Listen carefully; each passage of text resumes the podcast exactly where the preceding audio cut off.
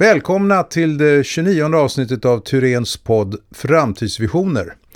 Idag ska vi prata om laddinfrastruktur för elfordon, hur det ser ut i Sverige idag och vilka hänsyn man behöver ta när man ska bygga. Och jag har med mig två experter på området, två tyrenare.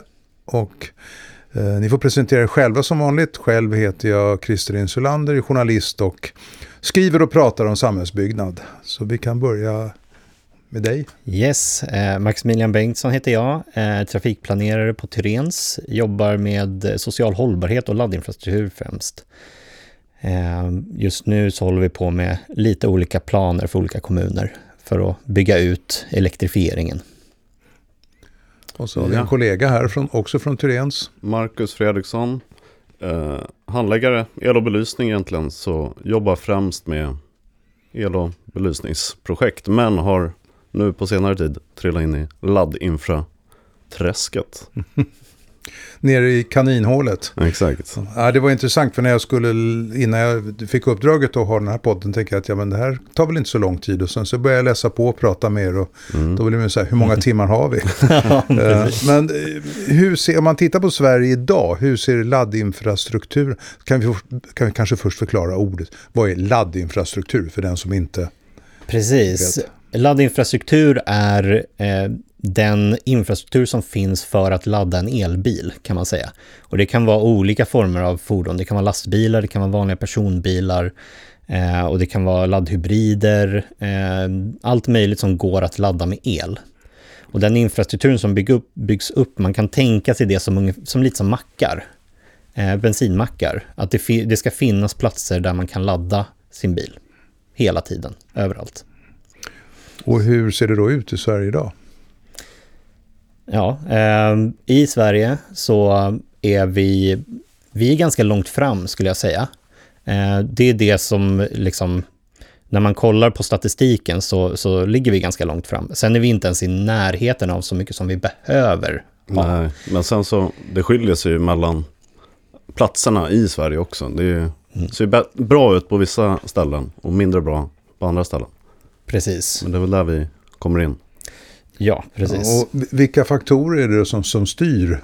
Eh, som, som gör att det skiljer sig så mycket mellan olika landsändar?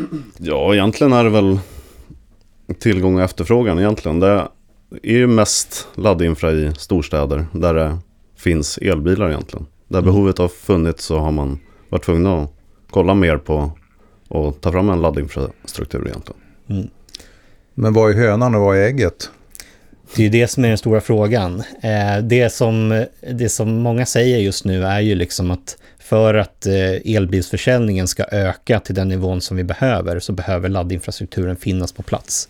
Men för att laddinfrastrukturen ska finnas på plats så behöver vi också ha många som vill ha en elbil. Mm. Så det går lite liksom hand i hand, men den ena kan inte funktionera utan den andra, kan man säga. Nej, och det är väl lite så. Alltså om det inte... Det blir väl en spärr när folk ska köpa en elbil. Och man tänker sig, ja men kommer jag kunna ladda bilen eller kommer jag stå där på mm. motorvägen mellan Luleå och Boden och ja, ha soppatorsk. Mm. Eh, och, eh, hur, du sa att, det, du sa att det, det är vanligare storstäder. I övrigt skiljer sig mellan olika landsdelar i Sverige. Ser man någon geografisk skillnad där? Ja, men det gör man. Eh, man. Man kan väl säga att det finns en liten båge mellan Göteborg och Stockholm som är liksom den stora logistikvägen, alltså E4. Mm. Eh, och kommunerna runt där är, är, är liksom de som har mest laddinfrastruktur i tätorterna. Eh, sen så har de själva nämnt, alltså logistikföretagen då, att det, det behövs mycket mer än vad som finns idag. Speciellt på noderna där lastbilarna kör. Um, och det kan ju vara sådana platser som liksom stora eh, platser längs motorvägarna. Alltså Tönnebro, eh, Gill, eh, Sillekrog, liksom sådana typer av platser är väldigt viktiga för lastbilar till exempel. Och där behöver det finnas en bra laddinfrastruktur också. Men i tätorterna ser, ser det ändå ganska bra ut. Eh, sen har vi ju ehm, till exempel Stockholm, Skåne och Västra Götalandsregionen är ju bäst i Sverige idag. Eller har flest laddstolpar kan man säga. Ja men generellt är det väl så att i tätorterna så har de ändå kommit ganska långt. Mm. Men det är ju, ja men motorvägar och sånt, det är där det är en flaskhals egentligen. Mm. Och då behöver man ju ofta snabbladdning på de platserna också för att man inte ska behöva stå i fyra timmar och ladda bilen Mm. på en mack mitt i ingenstans liksom. N- Närheten till Norge var också någon faktor som påverkade, var det någon av er som sa tror jag. Precis. För Norge ligger långt fram, eller hur? Mm. Ja, det är en av anledningarna till att just Västra Götalandsregionen är ganska stor. Eh, vi har ju Strömstad i Västra Götalandsregionen som ligger väldigt nära Norge och är också en väldigt eh, stor målpunkt för norrmän. Eh, och därav så finns det också en vilja att bygga ut laddinfrastrukturen i den regionen. Just för att Norge ligger, ligger också väldigt bra till och har väldigt mycket elbilar i den, deras del kopplat till Strömstad. Norge har ju kommit bra mycket längre i sin elfordonsflotta egentligen och Mm. jämförelse med Sverige. Precis. Men det är ju för att de har, ja, de har gjort skattelättnader för Mm. elfordon egentligen. Eh, Ni nämnde eh, att det var viktigt med snabbladdning när man skulle stanna, eh, till exempel som lastbilschaufför. Det finns lite olika typer här, termer, transportladdning, destination, normal, semi, super. Förklara, vad är det som skiljer de här olika Mm. typerna åt? Precis, man kan, man kan väl säga, eh, det, man brukar kalla det för depåladdning och destinationsladdning. Depåladdning, det är normalt den som du har i garaget hemma där du bor. Där du kan stå liksom över natten, eh, sådana typer av platser. Och där har du oftast en eh, lite lägre kapacitet på, på laddstolpen, men för att du kan stå där mycket längre. Så det finns ingen anledning för dig att ladda fullt på 45 minuter i ditt garage när du ändå ska sova, till Nej, exempel. exakt. Det finns de, de anledningarna. Sen destinationsladdning, det är ju där till exempel turister kommer, de som åker långa vägar. Om du ska åka mellan Göteborg och Stockholm så vill du ju stanna någonstans och ladda. Och det är de här, ja men till exempel Sillekrog, alltså stora platser där många stannar, är väldigt intressanta för det. Eh, och där har du ju mer snabbladdare, för där, vill du ju, där kan du ju till exempel stanna, stoppa i laddaren, gå och käka en korv eller en hamburgare, komma tillbaka och så är det fullt. Det är poängen med de, de snabba. Och destination och depåladdning har ju eh, har olika kapacitet. Och där, det är där normal, super, semisnabbladdning kommer in. Och det är väl där egentligen, ja men destinationsladdning, där har ju ja men mackar och typ Mm. snabbmatskedjor har ju hoppat på det här och erbjuder laddning. Så att du kan gå in och äta en burgare medan du väntar på att bilen ska laddas och Mm. de delarna. Just det. Och eh, i övrigt så är det samma som gäller förutom mm, Tesla har jag förstått det. Vad heter det? Ja, Elbilsbranschens. Apple eller? Mm. Jo, Ja, men precis. Och det, blir- det, de har ändrat sig lite på sistone. Eh, det ska man inte sticka under stolen. Eh, men tidigare så har det varit så att de, deras laddare kan ingen annan ladda på. Eh, och då har det blivit så att bara Tesla-laddare kan ladda på de laddstolparna. Och det har ju skapat ett visst problem i vissa kommuner där Tesla köper upp hela laddinfrastrukturen i kommunen. Och då kan, ingen annan, kan man inte köpa någon annan elbil än Tesla. nej exakt. Men det har förändrats på senaste ja, månaderna egentligen. Så har man ändrat den strukturen och nu, nu kan andra eh, elbilar också ladda på Tesla, vilket är jättebra för hela utbyggnaden. Eh, När ni utreder, pratar vi då om depåladdning i första hand eller om destinationsladdning? Det är väl båda delar egentligen. Ja, Men eh, jag skulle säga... mest depåladdning egentligen. Ja, men precis. Jag skulle säga att det är nästan 70-30. Alltså, vi, vi kartlägger ofta var det behövs destinationsladdning, men oftast är ju det statliga vägar som det behövs på.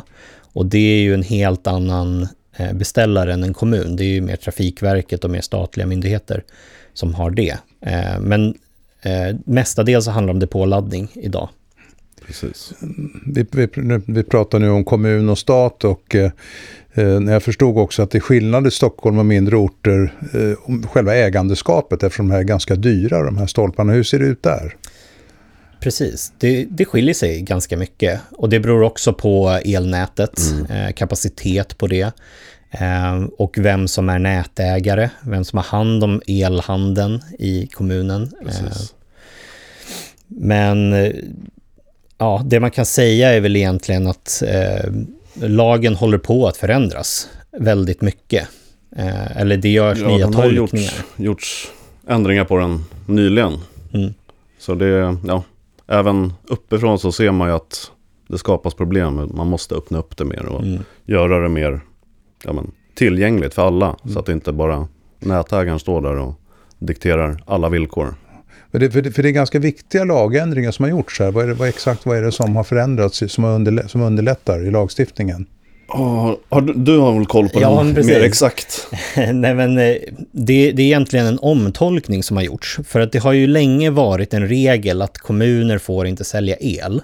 Det har varit en ganska gedigen regel som är att liksom eh, som gör att kommunerna in, har verkligen väl, vänts bort från elektrifieringen kan man säga. Eh, däremot så har ju den lagen skrevs ju när laddinfrastruktur inte ens var en fråga. Och nu när man tolkar om den så ses laddinfrastrukturen som en allmännyttig tjänst. Och det innebär att lagen säger att kommunen får bedriva allmännyttig tjänst. Eh, och det gör ju att hela strukturen förändras, för nu får kommunen sälja el och bör sälja el till och med när det handlar om laddinfrastruktur. Och det är ju det ställer, ju- skifte. det ställer ju krav på eh, nätägarna också. Att deras utrustningar ja, men, kan ta emot el från kommunen.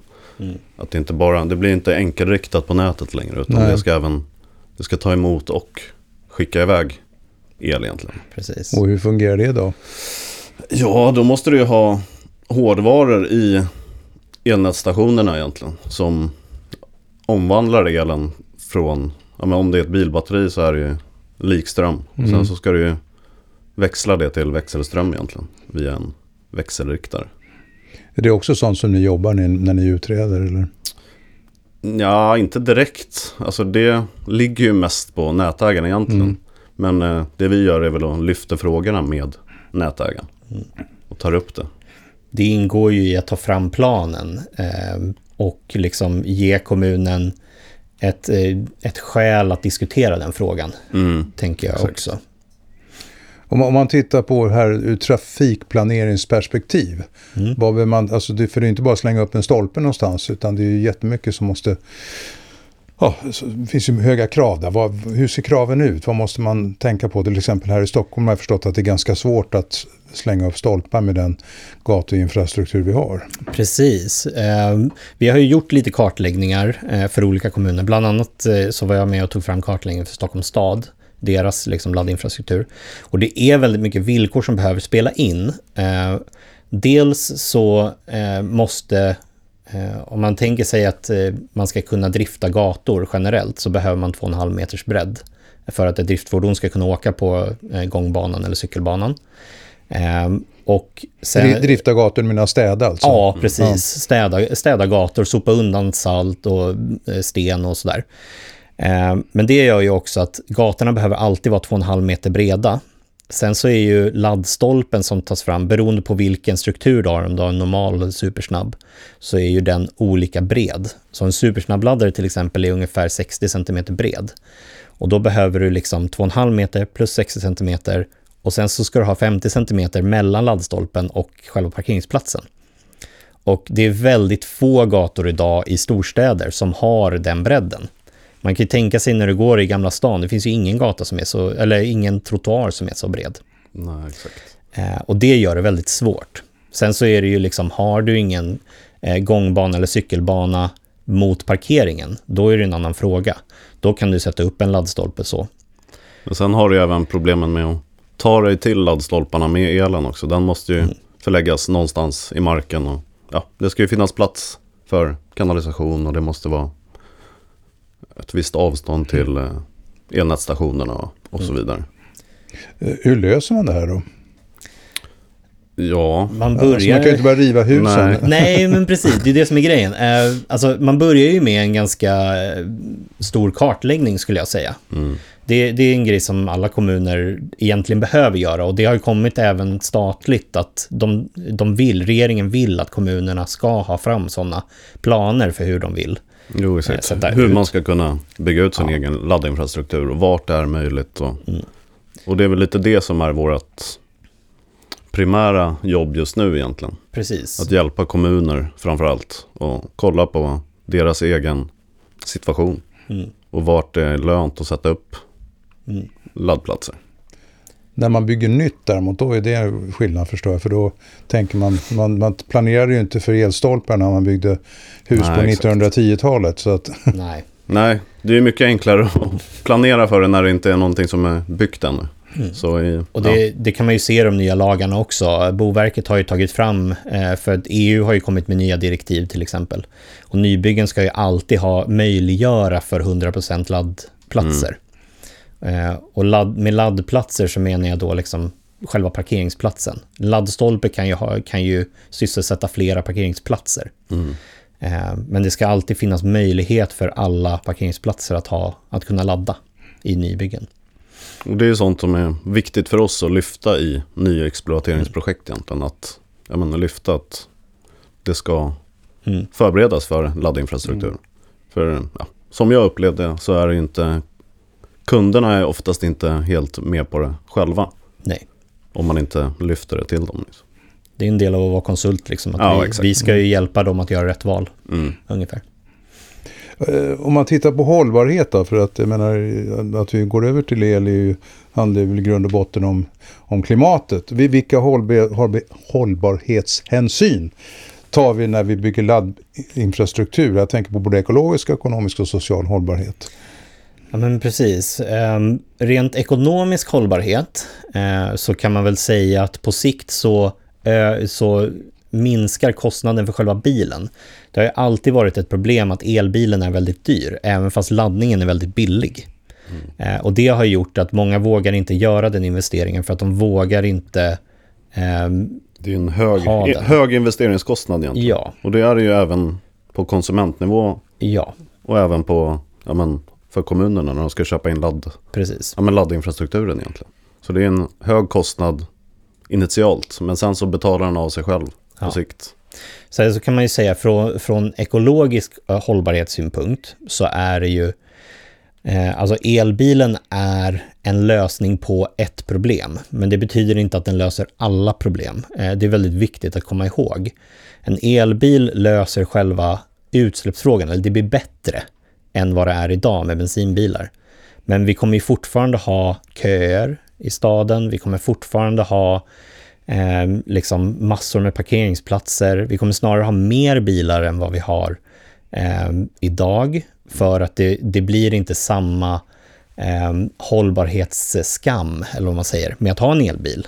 Och det är ganska viktigt att tänka på. Det är så här indirekta konsekvenser med att ha elbil. Så det, det, det löser många direkta problem som vi har idag. Men det finns fortfarande problem som kvarstår. Och själva eh, de här batterierna i bilarna och de ädelmetallerna, hur det ska tillverkas, det är väl inte jo, heller... precis. De det är är, inte helt fläckfria de heller. Nej. För det är ofta litiumjon som används nu. Och Ja. utvinningen av litium är väl också ett problem egentligen. Mm. Jag läste, läste någonstans för, för ett par veckor sedan så var det någon som hade skrivit att de hade räknat på om, vi, om alla ska gå över till elbilar direkt nu, alltså imorgon, så skulle alla ha elbilar. Då skulle vi behöva gräva ut ungefär lika mycket mineraler som vi har grävt ut de senaste 70 000 åren.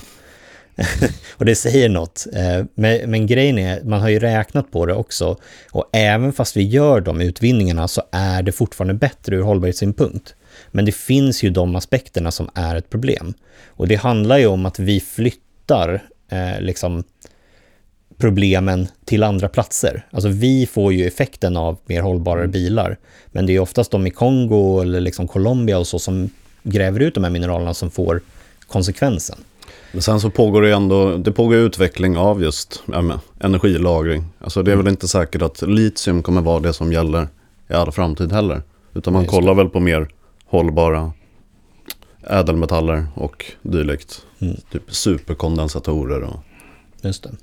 Så vad ni säger ur ett hållbarhetsperspektiv att det, vi ska fortfarande satsa på kollektivtrafiken. Vi ska inte bara kasta in ännu fler bilar även om de är eldrivna. nog- Jag, jag skulle säga så här. Eh, bensinbilar dåligt, elbilar bättre, mindre bilar bäst. Exakt. Ungefär så.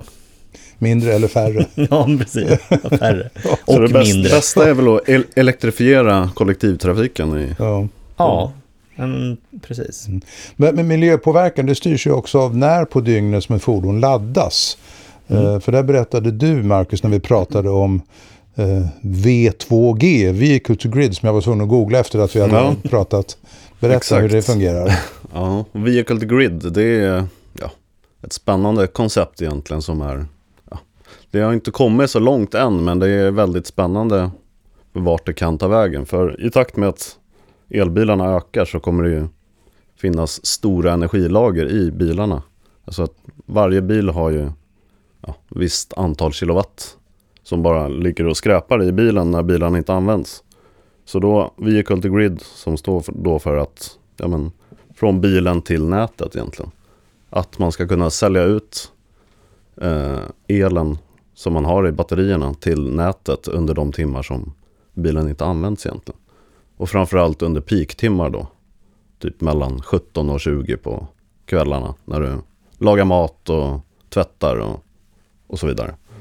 Då ska du kunna sälja ut din el som du har i batteriet till nätet och få betalt för det. Det är i princip samma sak som du har solceller på Ja, sommarstugan och sen Mm. har du ett överskott Ja, som du kan precis. skicka tillbaka igen och sälja. För det är ju, det är ju en- verkligen en stor fråga i kommunerna idag. Just den här kapacitetsfrågan. Eh, För det är ju liksom, vi har tillräckligt med el, men inte när den behöver användas som mest. Nej, Lite exakt. så. Så när man ska hem, man ska diska, man ska laga mat, man ska fixa och dona, då kan inte alla elbilar stå och ladda fullt. Liksom.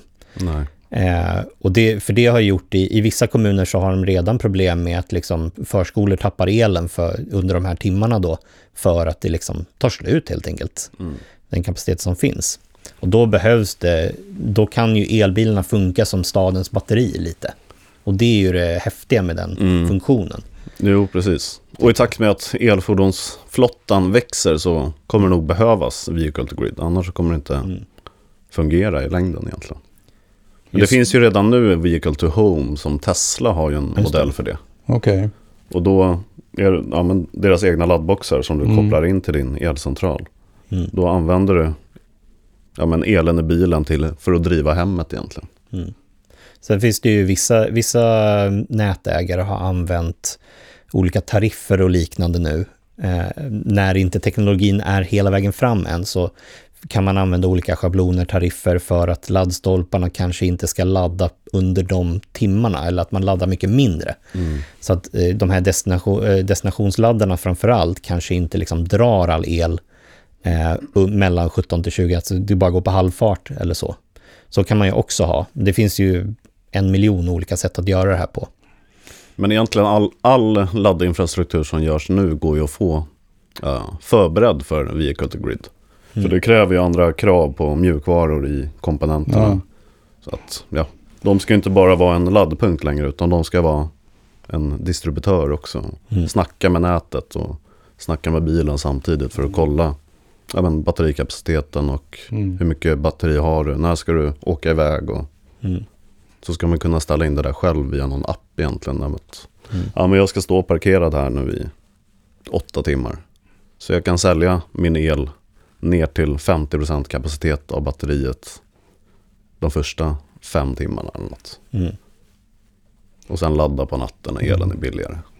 Det är som en, vad heter det, per, per, perpetuum mobile. Eller det bara, elen går fram och tillbaks runt, Exakt. Det är fantastiskt.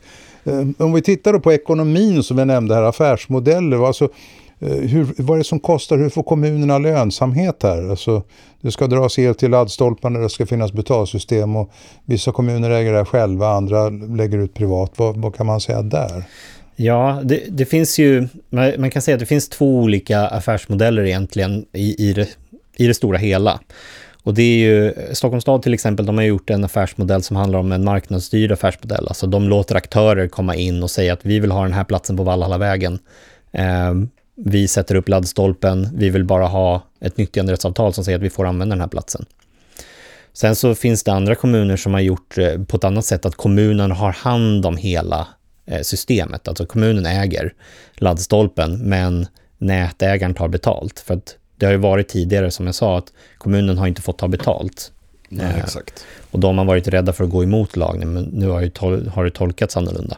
Men då blir det lite att eh, kommunen lägger en stor investeringskostnad direkt. En laddstolpe kan ju kosta liksom 500, mi- eh, 500 000 till en miljon. Liksom. Mm. Eh, och sen så är det lite nä nätdragning och så också, kostar liksom några hundratusen kanske om det är långt. Ja, med nyanslutningsavgifter. Och... Ja, precis. Så det, det finns ju de investeringskostnaderna, men eh, elhandeln, den kan man ju justera lite med pris beroende på hur, hur mycket man eh, vill ha det. Det kan ju vara liksom, eh, vi har sett kunder som har liksom allt från 1 till 10 kronor kilowattimmen. Och det gör ju att en laddning kan kosta allt från 100 kronor till 700 kronor. Och det kan du ju ställa in på olika laddstolpar. Så jo, de som, exakt. Och det är egentligen upp till dem själva egentligen att sätta Ja. priset. Det är bara frågan, vill de tjäna pengar eller vill de vara snälla? Ja, precis. Men Så sen det, så måste du ju sätta ett pris så att folk faktiskt vill ladda också. det är lite utbud efterfrågan. Ja. Så det, det handlar ju om liksom att man måste lägga sig på en nivå där det fortfarande är okej att ladda, ladda billigt, men du fortfarande får tillbaka investeringen. Mm. Det är liksom en balansgång lite. De, de flesta kommuner har väl också sina hållbarhetsmål som de måste leva upp till till 2030. Lotta, Jo, exakt. Precis. Så det är det som har påskyndat det här på senare tid egentligen. Mm. Om vi tittar på säkerhetsfrågorna, där man har ju ibland hört som folk som köper en elbil och sen så drar en sladd direkt ifrån bilen in i badrummet hemma och sådana här skräckexempel. Vad, vad, vad eh, behöver vi tänka på där? Hur ser regelverket ut? Och eh, vad, ni som också konsulter som rekommenderar, hur, hur, hur är det med säkerhets... Ja, det är en, Brand och säkerhet. det är en svår fråga egentligen. För det är inte så mycket som är ja, regelmässigt som förhindrar dig att stoppa in laddan i motorvärmaren i garaget. Liksom. Men nu har man ju börjat standardisera det mer och mer. Att det är egentligen två olika kontakter som ska användas. Som är en EU-norm som har kommit nu på, jag vet du vad den heter? Eller? Jag kommer inte ihåg vad den Ja. heter på rak arm. Men det är någon ISO-standard som har kommit Ja. som har börjat reglera det där. Men sen så finns det ju massa bör-krav från brandförsvaret egentligen. Mm. Att de, laddarna bör placeras i, i nära anslutning till det fria. Mm. För att möjliggöra en släckningsarbete i, eh, ja, i händelse av olycka. Men, men de här nya EU-standarderna gör det att du bara kan ladda din bil i sådana, i riktiga laddare, inte kan ladda den i köket eller vardagsrummet. Ja, det är väl det som är planen i alla Mm. fall. Så att du inte ska kunna ja, men, ladda bilen från eh, uttaget som är avsett för mikrovågsugnen egentligen. Men Det, fin- det finns ju ett, eh, ett problem, alltså rent trafikmässigt, för just garage. Eh, och det har varit en stor fråga på många kommuner, vet jag. Eh, även hos fastighetsägare. Eh, och det är ju att en brandbil kommer ju normalt inte in i personbilsgarage för att de är så låga. Nej, Eh, och det gör att de är väldigt, eh, brandförsvaret eh, blir väldigt rädda på det sättet för att de kan inte komma in så som de vill komma in och släcka det och det är ganska mycket farliga gaser som kommer från en elbil. Mm, från batterierna då. Ja, och det, det, som är, det som man kan tänka på är liksom att eh, må, många eh, fastighetsägare och så är ju rädda för att laddinfrastrukturen är det problemet. Men du kommer ju ha elbilar in i garagen även om du inte har laddinfrastrukturen där. Nej, exakt. Så att elbilen kommer fortfarande finnas och det är de som är problemet. Ja, precis. Det är ju oftast det är batterifel som brukar vara ja, men, skälet till att det börjar brinna. Utan det är ju inte själva laddningen Nej. som är problemet oftast. Eh, Ni gör ju utredningar för kommuner. Jag vet att ni har gjort det för flera kommuner om Stockholm och Åmål. Och, och alltså, hur ser uppdraget ut? Vad är ni utreder? Det kanske i princip det vi har pratat om sista halvtimmen. Eller finns det något mer man kan säga om just era, era utredningar? Vad är det för någonting som ni, ja, som, ni hjälper Mm. kommunerna med? Ja, precis. Nej, men man, man skulle kunna säga att eh, elektrifieringen är inne i ett så kallat vad ska vi göra-läge. att vi förklarar egentligen vad säger lagen? Vad kan vi göra och liksom så? Och hur går vi tillväga? Eh, elektrifieringen, tänker jag, kommer komma in i ett skede där det är liksom mer exakt hur på detaljnivå. Och det är egentligen därför vi har gått ihop i just liksom nätfrågor och trafikfrågor för att liksom vara beredda på det steget när, när man kommer dit. Det är lite som hållbarhetsfrågan. Eh, social hållbarhet har ju väldigt länge nu varit en fråga om vad är social hållbarhet? Men nu är vi inne i ett stadie där det är hur jobbar vi med det? Vad ska vi göra? Vad är målet? Och det, jag tänker att vi är lite i samma våg där, att nu är det så här, vad kan vi göra? Och sen är det, hur gör vi det mer exakt? Jo, precis. Men ja, vad gör vi? Alltså, det jag gör är ju egentligen mest att ja, men, prata med nätägare och se över ja, men, kapaciteten i nätet i anslutning till de platser som Max pekar ut egentligen. Mm. Och har en dialog med nätägarna och se vart det finns tillgänglig el och närmsta stationer och, och så vidare. Och det är, det är egentligen en grej jag tagit med mig från Stockholmskartläggningen. Eh, där insåg man ganska snabbt att eh, man behövde få med sig nätägaren. Eh, för att annars blir det ganska långa ledtider. Om aktören ska sitta och skicka till nätägaren för varje liten plats och vi har Jo, 4000 precis. platser, liksom, det kommer ta väldigt lång tid. För att nätägaren har ju visst antal arbetsdagar på sig att svara. Och så ska Ja, de göra det exakt. 4000 gånger. Liksom. Och, Det tar ja, lång tid. Nätägarna har ju varit lite anti länge. Mm. För att de inte har velat. Det har varit ja, men, mycket extra jobb för dem egentligen. Mm. Men nu på senare tid har ju de blivit mer tillmötesgående. Mm. Upplever jag det som. Så det, det känns som att det har blivit lättare även att få kontakt med och en dialog med nätägaren. Droppen urholkar stenen. Ja, Exakt. precis. Nej, men, man, man kan ju säga så, sen, jag var på en mässa för två veckor sedan och då var eh, en nätägare där och då sa de det specifikt att vi behöver bli involverade tidigare i processen. Det är ju en av deras stora grejer, att liksom, de vill bli involverade tidigt, men det har länge funnits en, en liksom ovilja för att det har varit så mycket jobb för dem. Eh, I alla fall i de kommunerna som har väldigt eh, mycket marknadsstyrd laddinfra. Men de har ju börjat ta fram avdelningar nu som bara sitter med sådana här frågor egentligen. Precis. Att Vattenfall har sitt eget in charge. Och Mm. Så att det kommer. vi gjorde, Det går väldigt fort. ja. Det låter ju, det låter ju positivt. Det är ju Mm. Ja. kul, kul att avsluta med någonting positivt. Exakt. Eller, jag tycker det har varit positivt hela samtalet. Men, Ja. men eh, innan, vi, innan vi säger hej, är det något mer som ni vill tillägga? Någon av er som... Varför, varför har vi... Det är någonting vi har glömt att prata om. Eh, Alltså, jag skulle bara vilja avsluta egentligen med att det är väldigt mycket som händer just nu. Alltså bara på de senaste fyra månaderna så har det hänt otroligt mycket. Alltså lagar har ändrats, lagar har tolkats annorlunda som ställer om helt i hur vi får göra. Eh, Så att liksom det vi säger idag kanske är irrelevant om fyra månader till. Jo, för att det händer så himla mycket. Och det är otroligt intressant, men roligt. också lite skrämmande. Det är roligt och skrämmande som du säger. Det är mycket som händer nu. Så Ja. vi skulle nog kunna spela en uppföljningspodd på det här om ett halvår. Och Ja, säger vi helt precis. andra saker. Precis. För då kanske vehicle to grid har börjat appliceras Då mer. kanske och- det är standard. Ja, exakt. Ja, då får vi se till att det här publiceras så snabbt som möjligt. Ja, exakt. Då säger vi tack till Maximilian, vi säger tack till Marcus och tack till er som lyssnade. Tack så Tackar, mycket. tackar. Tack. Hej. Hej.